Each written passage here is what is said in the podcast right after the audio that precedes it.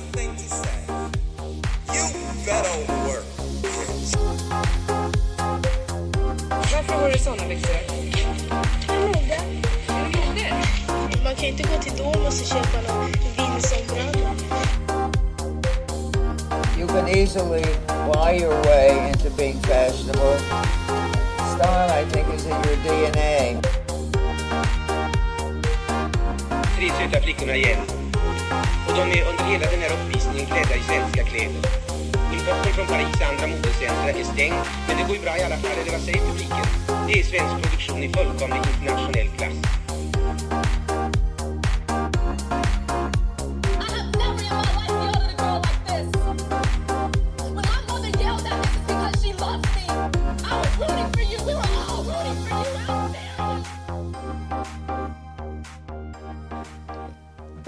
Frågan. Saga, vad har du på dig? Vad har jag inte på mig? Eh, nej men det är januari, det är väldigt kallt ute men jag har tagit på mig en klänning. En eh, jeansklänning som, eh, ja men den är väldigt så, den ser lite ut, tänk som en denim overall fast det är en klänning. Den har liksom detaljer som ser lite så arbetar eh, denim ut. Exakt. Den har krage, den har bröstfickor som är fake dock. Bara ficklock. Och eh, knäppning där fram. Eh, väldigt rejält tyg. Ehm, och jag köpte den här på en eh, loppis i Gamla stan. Och då fick jag veta att det här var ett gammalt arbetsplagg. Mm. Ja, för vart är den gjord någonstans? Den är gjord på Almedal. Och eh, när jag har kollat upp det här Almedal, det är någonting som eh, det är en textilfabrik eller konfektionsfabrik eller både och som har funnits i Sverige länge. Ja, men, var väl mest aktiva under 1900-talet och eh, ser ut som att de fortfarande är aktiva med att sy arbetskläder faktiskt. Intressant. Så det kan ju vara så att den här loppisen hade fått upp något restparti på gamla arbetsplagg till exempel från, skulle gissa 70-talet. Alltså den är tillverkad i Sverige helt enkelt. Mm, härligt. Den har ju det här härliga gamla denimtyget som man saknar idag. Kvalitativ denim. Exakt, riktig denim. Sen så har jag kanske, att jag tvekar på att det är ett arbetsplagg, det är för att det är en klänning just. Men man kanske jobbade i klänning. Ja, eller att det var bara en inspiration. Eh, Det är ju ganska ovanligt att hitta en etikett att något är gjort i Sverige idag, 2023. Verkligen. Speciellt om man går i nya butiker. Det är oftare Bangladesh. Jajamensan. Och Moa, vad har du på dig dagen till ära? Eh, jag har på mig en eh, ärtgrön Otippat. och, eh, dräkt som har den lite räfflade tyget. Det är jersey. En ganska så rak kjol till knäna och en lite kortare eh, kavajdel ska man väl säga. Och sen har den som en sån snörning i eh, hällorna som till, eller ja, i kjolen då. Det är som en variant av Chanel-dräkt fast den har krage också. Exakt. Eh, och det jag älskar mest med den här är att just tyget gör att den inte blir riktigt sådär formell som andra dräkter kan vara. Och eh, på, om man läser på lappen här så står det City-modellen. Eh, och jag har forskat lite i det här, inte hittat jättemycket, men om man kollar på, det kommer upp mycket vintagebutiker och retro och det här var, vad jag förstår det som var ett svenskt fabrikatsmärke, så jag tror inte att det var en speciell fabrik, men att det kanske var något märke som var stort under... Men precis, jag tänker till exempel på Algot som var en väldigt stor klädtillverkare ju. Mm, De hade olika underlinjer. exakt. De skulle kunna haft en som hette Citymodeller. Precis. Den här kan mycket väl ha varit producerad i Algot. I Borås då. I Borås, ja. Eller någon annanstans, för att jag köpte den faktiskt i Karlshamn. Så vid Blekinge, men den kan ju ha flyttats runt lite, det vet man ju inte. Så det står då City-modellen Made in Sweden. Den kanske har sålts på postorder. Det kan den ha gjort. Och vad ska vi säga för tid på den här? 50-talet? 60 kanske 50-60? till och med. Vi tänker färgen om modellen, att den är Exakt. lite mer ärtig då. Precis, för jag tycker längdens kjol är lite 50 men den är lite för poppig för att vara det. Så jag skulle också säga 60-talet. Yes, Men då drar vi igång. det gör vi. Sprid nyheterna. Jag kommer idag. För jag vill bli en del av dig. Borås, Borås I postorderns skor och Algots kostym gör jag entré i stora stan Borås, Borås Ja, där hörde vi en låt av eh, humorgruppen Galenskaparna After Shave. Yes, eh, och den här låten heter Borås Borås. Och eh, den släpptes 1994. Det är kanske inte då textilindustrin var som hetast i Borås, men det tyder ju mycket på att de har byggt sitt namn därifrån. Ja, textilindustrin hade ju lämnat sina, har lämnat sina spår i Borås.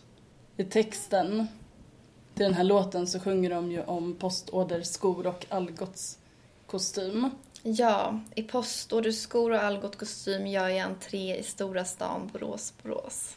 Och Borås och Algots kommer spela en ganska central roll i dagens avsnitt för temat är ju Textilindustrin, teko, teko, uppgång och fall. exakt. Och teko står ju då för textil och konfektion. Och eh, du har en bok med dig. Precis. Eh, när det gäller källor så har jag läst en bok som heter När man sydde kläder på fabrik, svensk konfektionsindustri cirka 1900 till 1980 av Johannes Daun. Dawn. Mm, det låter bra. Och sen har jag lyssnat på en dokumentär i tre delar på P4 Dokumentär som handlar om Algots. Ja, eh, och jag har läst en av, eller jag har gått tillbaka till en av avhandlingarna som vi använde oss i första avsnittet. Eh, och den heter Swedish Fashion 1930 till 1960. Rethinking the Swedish Textile and Clothing, clothing Industry och skriven och, av Ulrika Kajaga. Och eh, för i den här avhandlingen så har ett ganska långt kapitel om, eh, om just textilfabrikerna och textilindustrin i Sverige från just 1930 till 1960. Konfektionens guldår som vi kommer komma in på. Exakt. Och till det här så har jag även tittat på en dokumentär och även också saga. Eh, och den heter Made in Sweden textilindustrin som försvann. Eh, och den finns på SVT. Och den är varmt rekommenderad. Den är toppen. Och eh, att mycket kommer kretsa kring Borås i det här avsnittet just eftersom de var en så stor stad inom textil och konfektion tycker jag är lite roligt. För vissa kanske har snappat upp eh, skämten om bara i Borås under det senaste året. I sociala medier så har Borås blivit lite orten att hata. Jag hittade ett svart hål, det var ingången till Borås. I ett meme som har gått varmt på TikTok. Och eh, även i DN har man snappat upp det här skämtet och jag tror att de, många generationer har hört talas om hur Borås har blivit en, en ort att gemensamt hata i Sverige. Frågan är om vi kommer göra Borås rättvisa, om det blir pos- mer positivt eller mer negativt om Borås efter det här avsnittet. Det får vi se. Ja, det är frågan. Men en sak om den här memen, för jag känner faktiskt igen den nu när du pratar om den. Och eh, kommundirektören, eller vad han nu kallas för, i eh, Borås eh, såg ju på det här ganska allvarligt och blev orolig varpå han då svarade med en egen TikTok-kanal och försökte visa olika eh, turistmål i eh, Borås. Men det blev ju kanske lite mer hålnat. Backlash.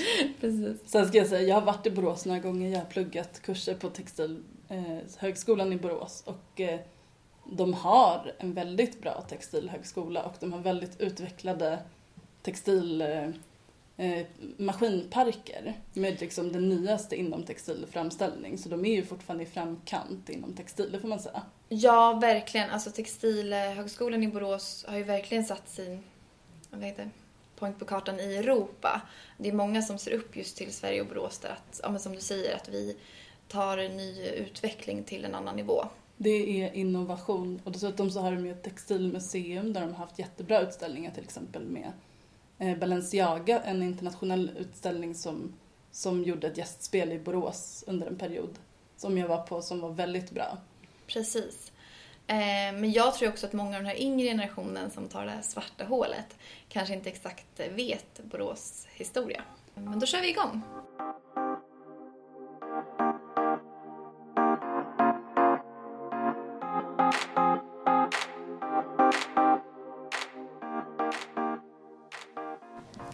När man tänker på svensk textilindustri och dess blomstrande år med svenska fabriker så tänker man ju ofta kanske innan kriget, 30-talet och eh, fram till 70-talet och krisen kom. Men om vi backar bandet lite från hemslöjd till industri. När skedde uppstarten i Sverige? Ja, men den ena delen av, av teko, TE, textilindustrin, den började väldigt långt bak. Men när konfektion kom in i gamet, enligt då författaren till boken som jag har läst inför avsnittet, eh, Johannes Down, så brukar man dela upp just utvecklingen av konfektionen i fyra olika faser. Då har vi uppstarten 1890 till 1920.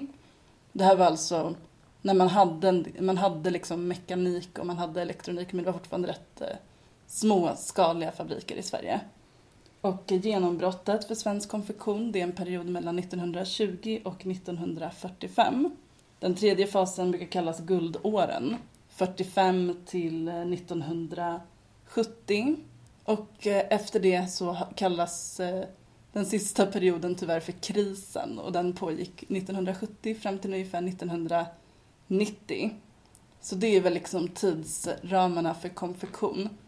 Men konfektion, alltså att tillverka kläder, är ju inte möjligt om man inte först kan tillverka tyget som man syr kläderna av. Så vi ska ju gå tillbaka lite till hur textilindustrin började utvecklas i Sverige och vi kanske går nästan tillbaka till medeltiden, eller vad säger du?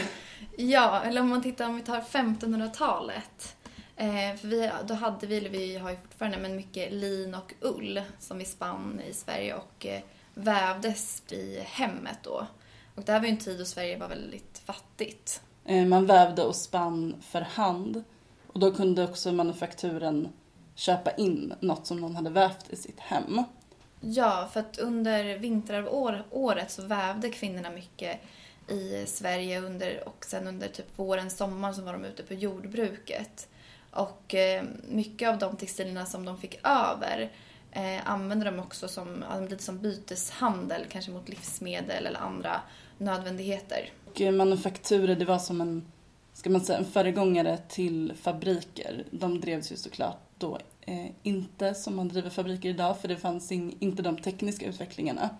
Och det här med hemvävning, det har, den historien pågick i Sverige väldigt långt in eh, i modern tid faktiskt. Eh, Eh, även liksom mitten på 1800-talet så var det vanligt att fabriker just anlitade hemvävande kvinnor eh, som fick material och fick väva i hemmet och sen leverera till fabriken om man ska ta ett litet skutt framåt i tiden, sådär 300 år. Ja, Eh, och eh, man brukade allmänt beskriva det som att textilarbete i hemmet var väldigt slitigt. ja, för som kvinna ska man ju också, eller skulle man också ta hand om barnen. Så att man satt eh, ner med ena handen på vävstolen, andra i grytan och rörde och eh, ett öga på ungarna och kanske ett på mannen som man också skulle ta hand om. Precis. Till låg lön såklart. Ja, och långa arbetsdagar. Ja, kvinnor har alltid varit en stor del av textilindustrin vilket kanske förklarar varför det har varit låga löner historiskt.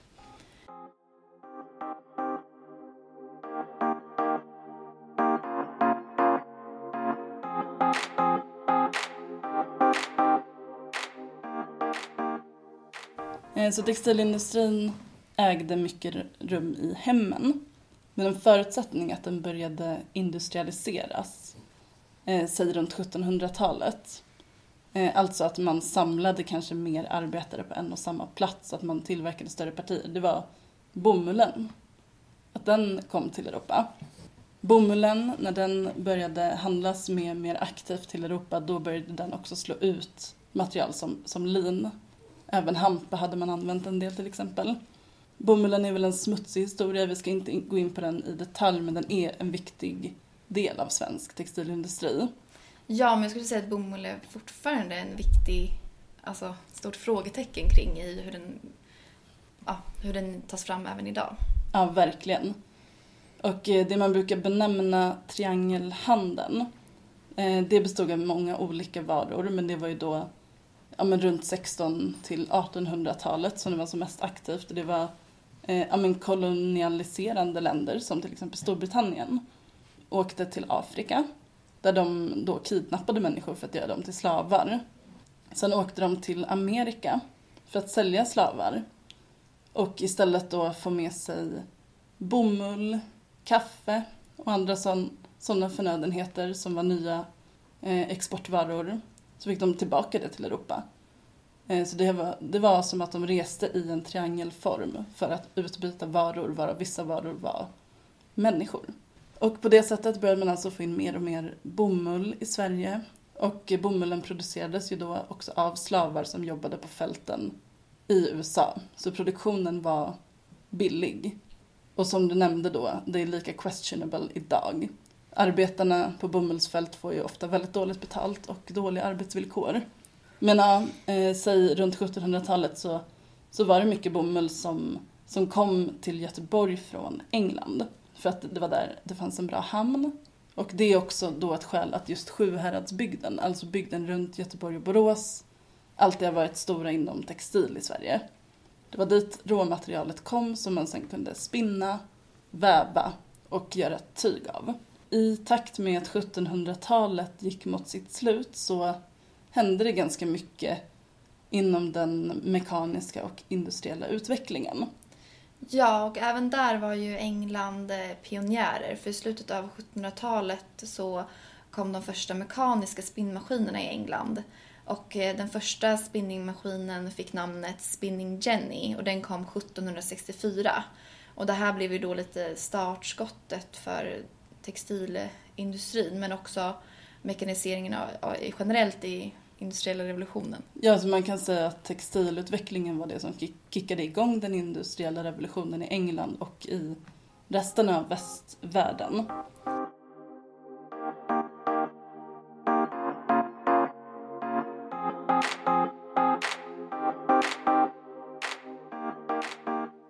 I Sverige så tog det lite längre tid innan de här mekaniska maskinerna kunde användas i Sverige. Eh, det var inte förrän tidigt 1800-tal, för England hade då lagar mot export av sina maskiner. Så de, det var hemligt hur de kom fram. Ja, det här var verkligen, 1700-talet var ju en merkantilistisk tid som innebär att man ville hålla sina uppfinningar inom landets gränser. Man var inte mycket för export av sådana saker. Eh, det skedde såklart en hel del smuggling och annat. Så, såklart spred saker i alla fall med folk som flyttade och eh, så, men det tog tid. Tekniska utvecklingen fortsatte. 1790 så kom den första, vad vi skulle säga moderna symaskinen, alltså mekaniska symaskinen. Fram till dess hade man ju fått sykläder enbart för hand. Eh, skräddare eller hemsömmerskor hade gjort det. Ja, och symaskinen som var den första symaskinen som var mekani mekaniseringen var också den första mekaniserade, alltså utöver vapen. Ja, alltså hel, jag tror att egentligen hela textilindustrin, utöver vapenindustrin så var det textilindustrin som mekaniserades först. Och det hänger ju också ihop med att militären behövde uniformer som kunde sys snabbt. Och sjukhus. Den första riktiga symaskinen som liksom kunde användas i industrin, det var lite speciellt. För när den togs i bruk 1830 på en fabrik i eh, Frankrike så möttes de av en hord arga skräddare som försökte elda upp fabriken. Ja, för det här blev ju då ett hot mot skräddarrollen. För att på den tiden eh, så ansågs ju skräddare som ett väldigt fint yrke och den var ju de bättre skräddarna var ju de som fick eh, också möta den lite rikare societeten. Eh, och att då även vanligt folk, eller vad man ska säga, också ska kunna göra det som de kunde blev ju, ja. Det är alltid så att man är rädd för att ny teknik ska ta ens jobb. Det är lite som AI idag. Ja, eller datorerna. Datorerna, ja. Mm. Eh, I slutändan brukar det ofta visa sig att det kanske går att ha två olika saker parallellt. Det får vi se. Men Ja, man, många känner också till märket Singer kanske på symaskinen. Det var Isaac Singer, en amerikan, som tog patent 1851 på en maskin som man nu kunde också ha i hemmen. Och eh, det var en sån här som man trampade, jag tror många har sett en sån eller kanske till och med har en gammal hemma, de är rätt vanliga fortfarande. Och Singer införde också en väldigt tidig form av avbetalningsköp. För att man kanske inte hade råd att casha hela maskinen på en gång. Men man kunde då betala av under ett år eller så. Och eh, mycket, det betalade sig kanske då för att man kunde mycket enklare och snabbare sy kläder till sig själv hemma. Den som har testat att sy en långsöm för hand vet skillnaden. Ja men det vet vi ju med facit i hand att symaskinen snart fanns i de flesta hemmen. Den blev ja, tids nog också elektrisk, men dit ska vi komma. För det var ju då 1800-talets början som de första textilfabrikerna i Sverige uppkom. Eh, och Strindberg var en av de som tog maskinerna till Sverige. Precis, Henrik Strindberg, jag vet inte om han var släkt med författaren, men han var en sån pionjär kring att ta textilmekanik till Västsverige då, där han var aktiv. De första textila fabrikerna låg gärna nära vattendrag till exempel. Eftersom att man inte hade el på 1800-talets början så drevs det på till exempel vattenkraft, senare också ångkraft kunde det vara. Och han hade väl fått inspiration i Danmark. Eh, ja, precis. För att han hade jobbat på fabriker i Danmark. Och i Danmark hade det från Tyskland kommit lite mer information. För i Tyskland tog man in eh, alltså, invandrare från England som då kunde deras teknik. Och långsamt då kom det uppåt till Sverige. Eh, så att Henrik Springberg blev som sagt en pionjär när det kom till med spinneri kring sekelskiftet 1800-talet. Så det här med, som vi nämnde, hemslöjd till industri. Det är alltså 1800-talets början som textilbranschen i Sverige går just från, från hemslöjd till industri. Men, men som jag också nämnde, den här att handväva i hemmen åt fabriker på så kallat förlagsarbete. Det fortsatte kvinnor att göra. 1840 så var 80% av allt bomullstyg eh, som såldes i Sverige fortfarande handvävt av kvinnor som levererade till fabriker. Så, så handarbetet hängde sig kvar. Och det här berodde väl mycket på att fram till dess fanns det fortfarande ingen el. Ja, man var ju också tvungen att utforma fabrikerna på så sätt att det skulle vara med dels nära vatten men också stora fönster eh, så att man också skulle, kunde se vad man gjorde. Ja men precis. Så en vanlig scen från, från en fabrik på 1800-talet det var ju att alla som arbetade satt runt ett och samma bord. I, på den plats i fabriken där det var som mest ljus. Precis, och att det skulle gå nära att kunna liksom gå från att man gör ett moment och kanske skickar det vidare då till sin kolle- kollega bredvid. Och utvecklingen gick verkligen snabbt på 1800-talet. På 1820-talet så ser vi också mekaniska vävstolar. Som sagt var det fortfarande inte öppet för export, men jag, vet, jag var till exempel på ett studiebesök på Almgrens sidenväveri i Stockholm. Eh, K.A. Almgren som startade den här fabriken 1833, han smugglade en jacquardmaskin, eller flera från Frankrike, eh, som han dolde i några så här fruktboxar på ett skepp. Och det var väl tack vare smuggling som de fick sin framgång. De är fortfarande aktiva till och med. Ja, och eh, man ska också lägga till att det var ju fram till 1834 som det var förbjudet att sälja färdigsydda kläder i Sverige. Så man kan ju också säga att eh, skräddare mer eller mindre hade lite monopol på att göra kläder. Vilket man extra då kan förstå deras eh, revolt mot de nya teknikerna. Skräddarna var ju en de- del av ett väldigt starkt skråsystem. Ja, men, som tidigare form av fackförening. Men vilka var det då som jobbade på fabrikerna tidigt 1800-tal? Ja, de allra tidigaste fabrikerna hade ju ganska primitiva, enkla maskiner. Ganska perfekta för att drivas av barn. Exakt. För det var inte förrän 1830 när fabrikerna blev välutrustade som man tog upp in mer vuxna arbetare. Och innan det så använde man sig av arbetare som var under 14 år för det var ju billigare helt enkelt.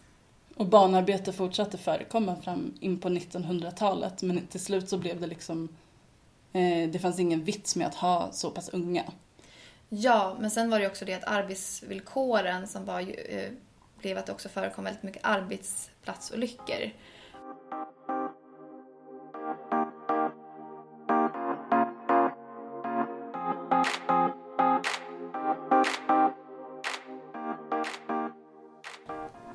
Ska ta ett exempel här från boken När man sydde kläder på fabrik om en arbetsplatsolycka som skedde på Göteborgs korsettfabrik 1898. Ett beklämmande exempel är en 14-årig flicka på Göteborgs korsettfabrik 1898 som föll över ett trappräcke på fabrikens vind och slog i huvudet så illa att hon avled.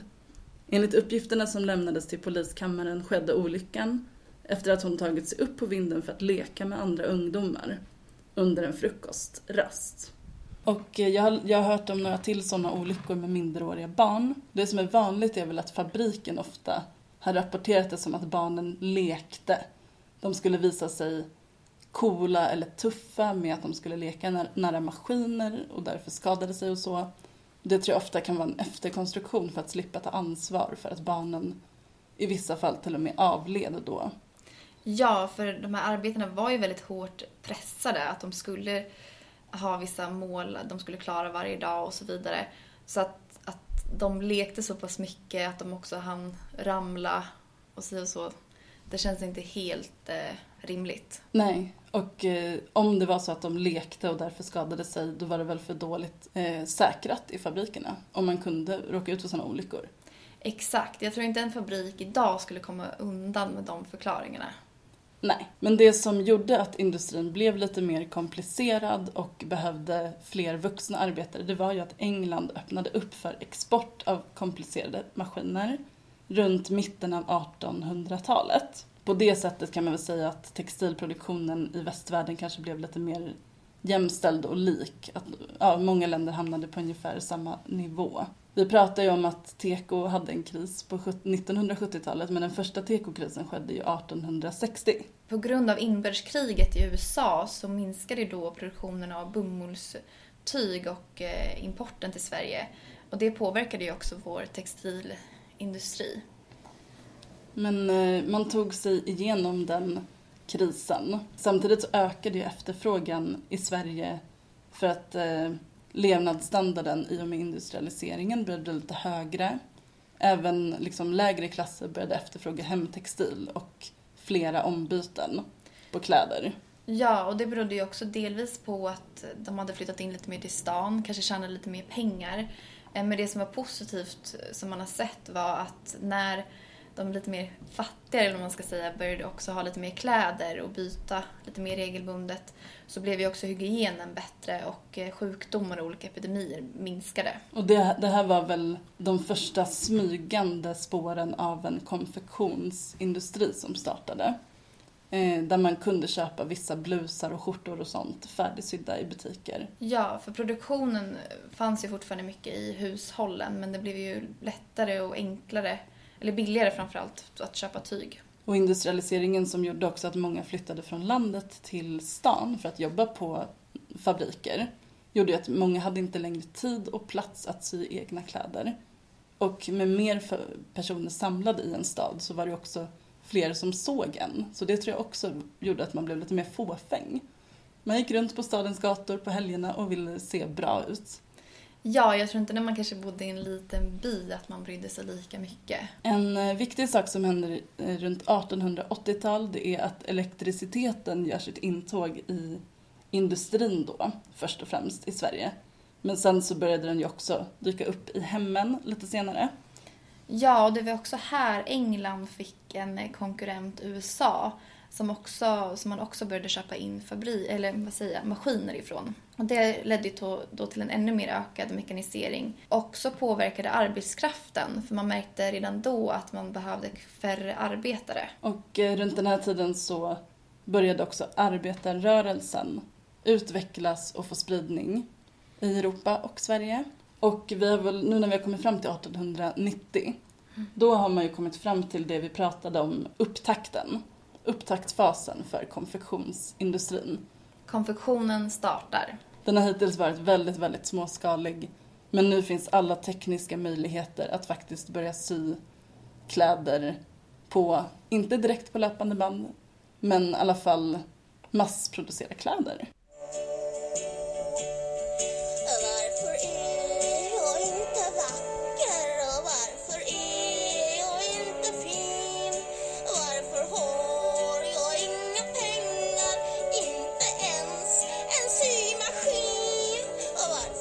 År jag ful? 1900 har vi kommit till nu, år, århundradet när vi föddes i alla fall. Ja, och då konfektionen drar igång. Nu börjar konfektionen på allvar med eh, stora kända aktörer som till exempel Algots. De öppnade sin första fabrik 1907 i Borås. Efter kom Eiser, eller Eiser som öppnade 1913.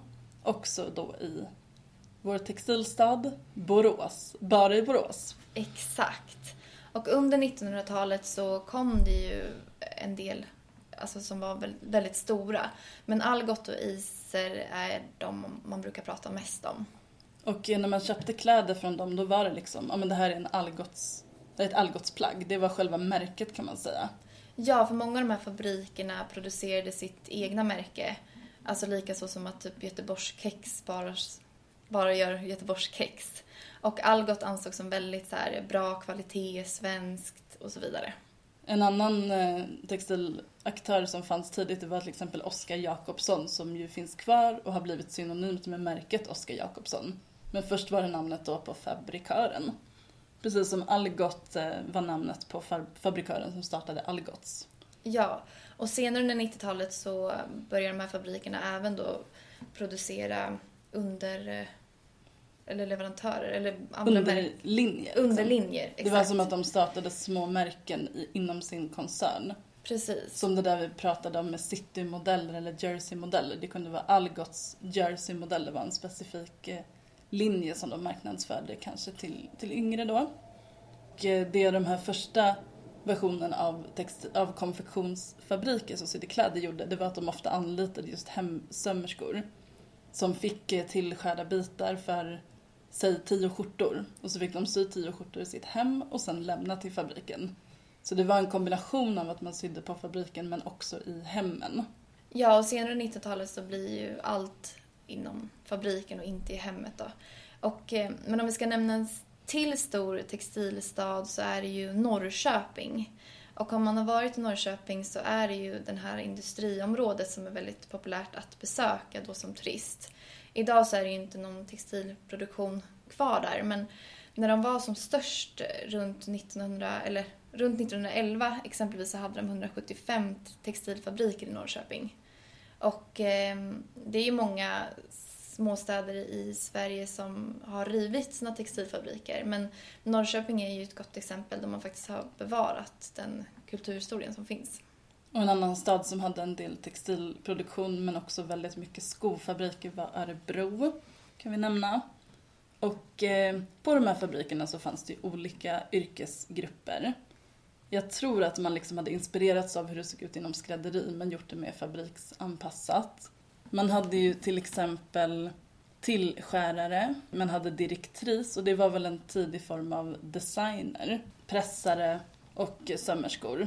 Ja, så de, man utför ju då momentsömnad. Och då var det att man skickade ett plagg mellan varandra. Men man satt ofta kanske bredvid varandra, man kunde snicksnacka lite sinsemellan. Går man då till, om vi hoppar framåt lite till första världskriget, så var det ju då som utvecklingen skyndades på av konfektion och eh, även storlekarna började standardiseras mer. Precis, för under första världskriget så var det väldigt mycket uniformer som skulle sys och eh, då mätte man helt enkelt standardmått på olika män för att enkelt kunna sy upp rätt mängd av olika uniformer och eh, sen utvecklades det här också då för kvinnor. Och eh, inspirationen till de trender man sydde det var ju för kvinnor från Paris och från London för män. Ja, och man märkte ju också att kläder som kom från Paris passade inte riktigt den svenska målgruppen för att vi hade helt andra mått. De var helt enkelt lite för små. Så här i Sverige behövde man ju standardisera egna mått för den svenska befolkningen helt enkelt. Och det var också ett skäl att det kanske inte funkade så bra att exportera plagg som var tillverkade för den svenska eh, publiken. För men, storlekarna passade kanske en lite längre och större kvinna. Det Ja. man kan säga när konfektionen nu började få ett grepp om kläd och modevärlden det var ju att eh, såklart måste designen ha påverkats. Kanske att modellerna blev lite enklare för att kunna sys i momentsömnad. Och kläder blev allt billigare under 1900-talet så att man kan ju också säga att konfektionen började, började liksom utjämna de synliga klasskillnaderna. Det, här med, det var ju fortfarande många kvinnor som jobbade inom textilbranschen. Och att ta jobb på en fabrik det var ett bra sätt för en kvinna att kunna tjäna lite egna pengar.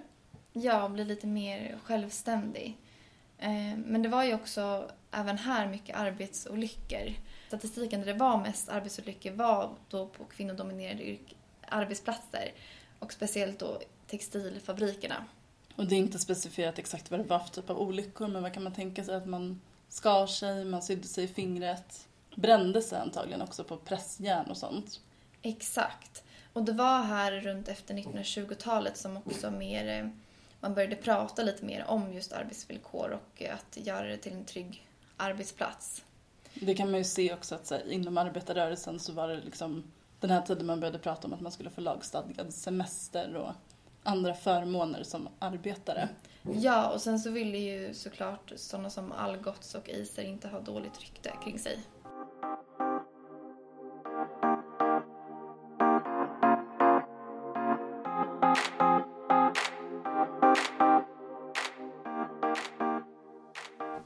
Någonting som hände 1932 och var helt revolutionerande för konfektionsindustrin, det var införandet av det löpande bandet. Man brukar säga att det löpande bandet uppfanns inom bilindustrin med Ford. Men det kom väldigt tidigt till textilen och det kom med på Algots först i Sverige då. Infört av en tysk. Ja, och det löpande bandet gjorde ju att de, kunde, att de som arbetade inte kunde socialisera lika mycket. För nu satt man liksom på ett streck typ. Exakt, och man skulle helst sitta alltså så att man bara såg ryggen av den som var framför. Men fortfarande så jobbar man ju ändå ganska nära varandra och kunde ändå ha visst socialt arbete. Men detta utvecklades ju till att, eh, att det blev ännu mer strikt och mer avstånd. Löpande bandet medförde ju också att fabriksägarna började verkligen så här mäta tiden. Hur lång tid tog varje moment? Hur kunde de tjäna pengar? Hur kunde de få folk att bli snabbare? Då satte man typ upp skärmar så att man verkligen inte kunde prata med varandra.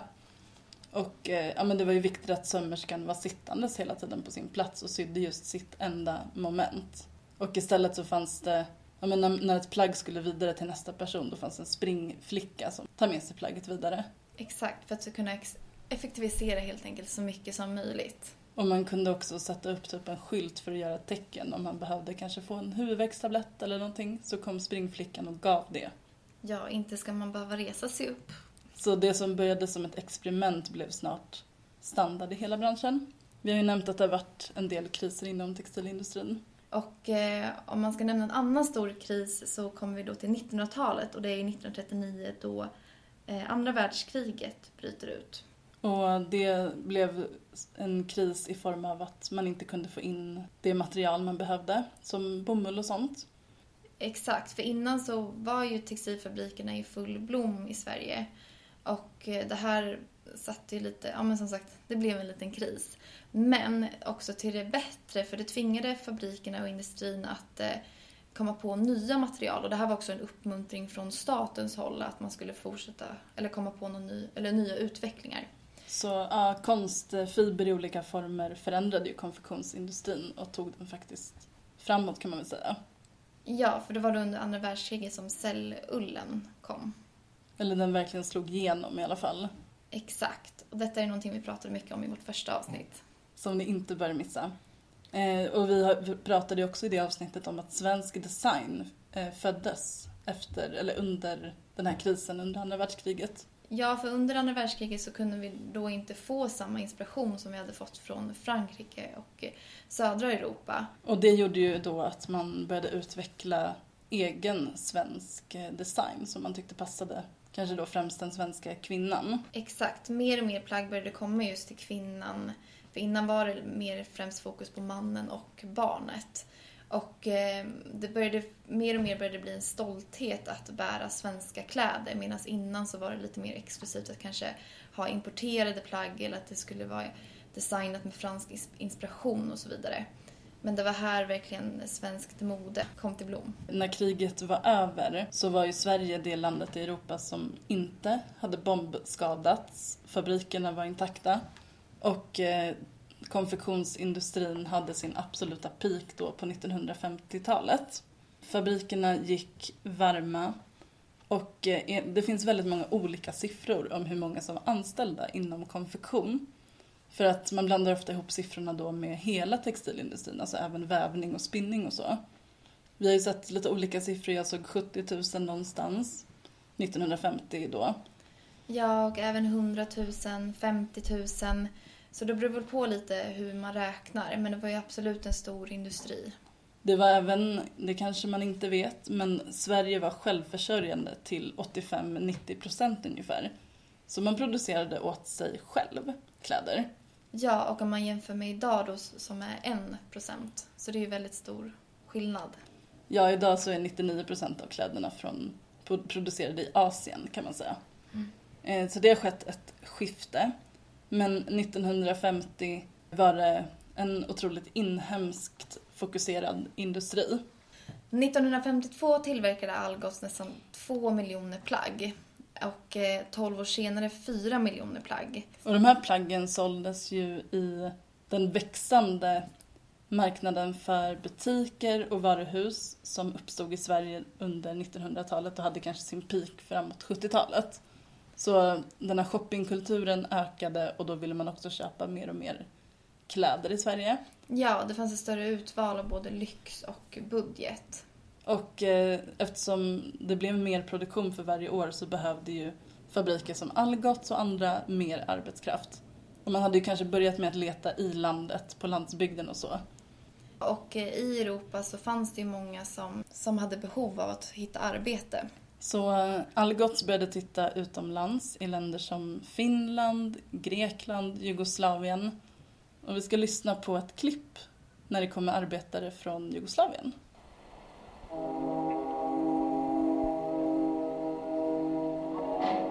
Man importerade ju människor, man lockade människor, man hämtade människor, man betalade människor för att komma. För att klara sin produktion har stadens företag i stor utsträckning fått anställa utländsk arbetskraft. Västgötskan har blandats med allehanda främmande tungomål som sätter sin prägel på detta Babylon i Knalleby.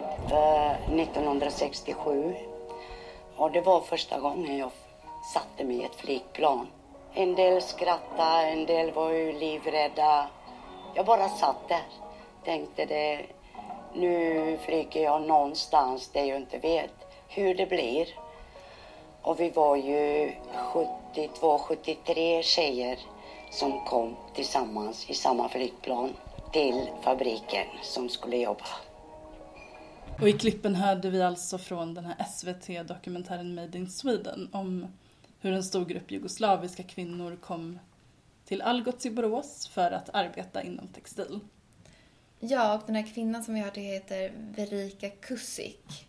Och eh, hon är med mycket i den här dokumentären. Och eh, i den här dokumentären så beskrivs det ju som en väldigt, eh, alltså väldigt rolig tid att arbeta. De träffade nya människor. Och det var ju hårt arbete men det var också mycket festande på helgerna och man hade väldigt kul tillsammans. Och även om de här kanske levde ett enklare liv och inte kanske fick lika mycket betalt som andra i Sverige så var ju det här en väldigt uppsving mot vad de hade haft kanske tidigare. Kanske kom från krigsdrabbade länder och så här. Och det här var ju slutet på 60-talet som den här arbetskraftsinvandringen verkligen eh, drog igång ordentligt.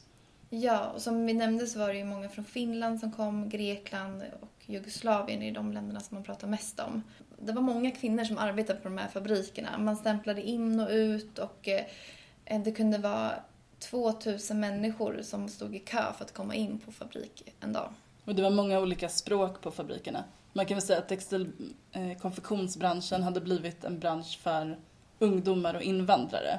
Det var ganska hög eh, omsättning på personal. Det var kanske inte, jag vet inte om det var majoritet svenska längre faktiskt. Nej, det var det inte för att det blev ju också problem med språket. Att eh, vissa kvinnor kanske lärde sig finska före de lärde sig svenska.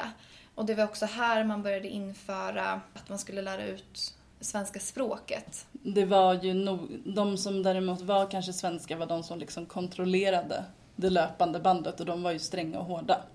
Ja, och ofta män. Och om det var så att några kvinnor satt och pratade då ropade de att de skulle, vi är inte här för att prata, vi är här för att arbeta. Tempot började bli snabbare och snabbare på fabrikerna helt enkelt. Och även utvecklingen gick ju ganska snabbt här i industrin. I, med tempot och löpande bandet och de här monotona arbetsuppgifterna så kom, uppstod det ju en del eh, förslitningsskador. Vi ska lyssna på ett klipp från dokumentären Made in Sweden om hur det kunde kännas för arbetarna. Ken, fortfarande slitna kotar har jag. Och eh, så är det klämda nerver vid sidan av där. Och så ibland har man ju inte känd, riktig känsla i handen eller armen. Så jag kan ju tappa grejer väldigt lätt. Arbetstempot på 60-talet hade ju fortsatt att öka och takten kunde vara hård att hänga med i. Hur många var det vi skulle göra idag? 600? Minns vi det? Det var löpande bandet som bestämde takten och då gällde det att hänga med. Var det så att eh, arbetsledningen hörde att vi pratade så, så kan, kunde det hända att vi blev tillsagda jobba, jobba, ombele, ombele. Att ni är här för att jobba och inte för att prata. Och hur var det med pauser under arbets arbetsdagen? Eh, ja, knappt. Det här med att inte resa sig upp fanns ju även här och eh, i och med industrin och utvecklingen så var ju, satt man nu ännu längre ifrån varandra. Ja, det var ju knappt att man fick en kisspaus och fick man kisspaus så hade alla kisspaus samtidigt. Eh, när man hade den här fem minuters kissepausen då, då stod någon där och alltså, man får inte komma för sent. Så tänker man, herregud, på fem minuter hinner man ju knappt komma till toaletterna och så tillbaka på fem minuter. Det, och så blir det ju kö. Alltså, det var inte så många toaletter som hela bandet hade ju liksom paus då. Och det var ju under mitten av 60-talet som man kanske började märka krisen eh, som mest i Sverige. Eller förstadiet till krisen. Och eh, kedjor som exempelvis H&M började producera utomlands. Och den här eh, bristen på erfarenhet av export började också bli ett problem. Ja, för någonting som Sverige kanske och textilindustrin inte riktigt hängde med i var att vi inte riktigt utnyttjade att vi också kanske kunde exportera. För efter andra världskriget hade det blivit mer öppet med frihandel i Europa. Men Sverige hade liksom fortsatt bara jobba med sin inhemska marknad och till slut så började kanske andra länder då springa förbi. Men det fanns ju många svenska varumärken som, ja, som uppkom under den här tiden. Och ett bra exempel är ju eh, Mahjong som kom 1966. Och eh, det är kanske en del som känner igen det märket för de finns ju kvar än idag. Och de var väldigt eh, hårda med att de ska produceras i Sverige och att det är ett svenskt märke. Och det här var någonting de inte ville tumma på. För det blev ju också en liten splittring i samhället. Vissa ville ju inte handla utländskt mode för de ville stötta den svenska produktionen. Men till slut så var ju tekokrisen ett faktum. Och eh, det ska vi inte gå in på i det här avsnittet. Nej, för det kommer vi ta i nästa avsnitt. Tekokrisen. Del två. Yes. Men stort tack för att ni lyssnade på eh, den första delen av tekokrisen. Nu har ni två veckor på er att smälta det. Så hörs vi. Ja, hörs om två veckor. Och glöm inte att gå in på vår Instagram, tvatt för att se kläderna vi pratade om idag.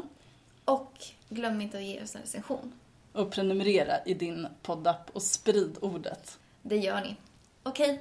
Ha det så fint. Hej då. Hej då. I have one thing to say. You better work. Varför har du såna byxor? Mode. Man kan inte gå till Domus och köpa någon Vinson-brallor. You can easily buy your way into being fashionable. Style, I think, is in your DNA. Tre söta flickorna igen. Och de är under hela den här uppvisningen klädda i svenska kläder. Importen från Paris andra modecentra är stängd, men det går ju bra i alla fall, eller vad säger publiken? Det är svensk produktion i fullkomlig internationell klass.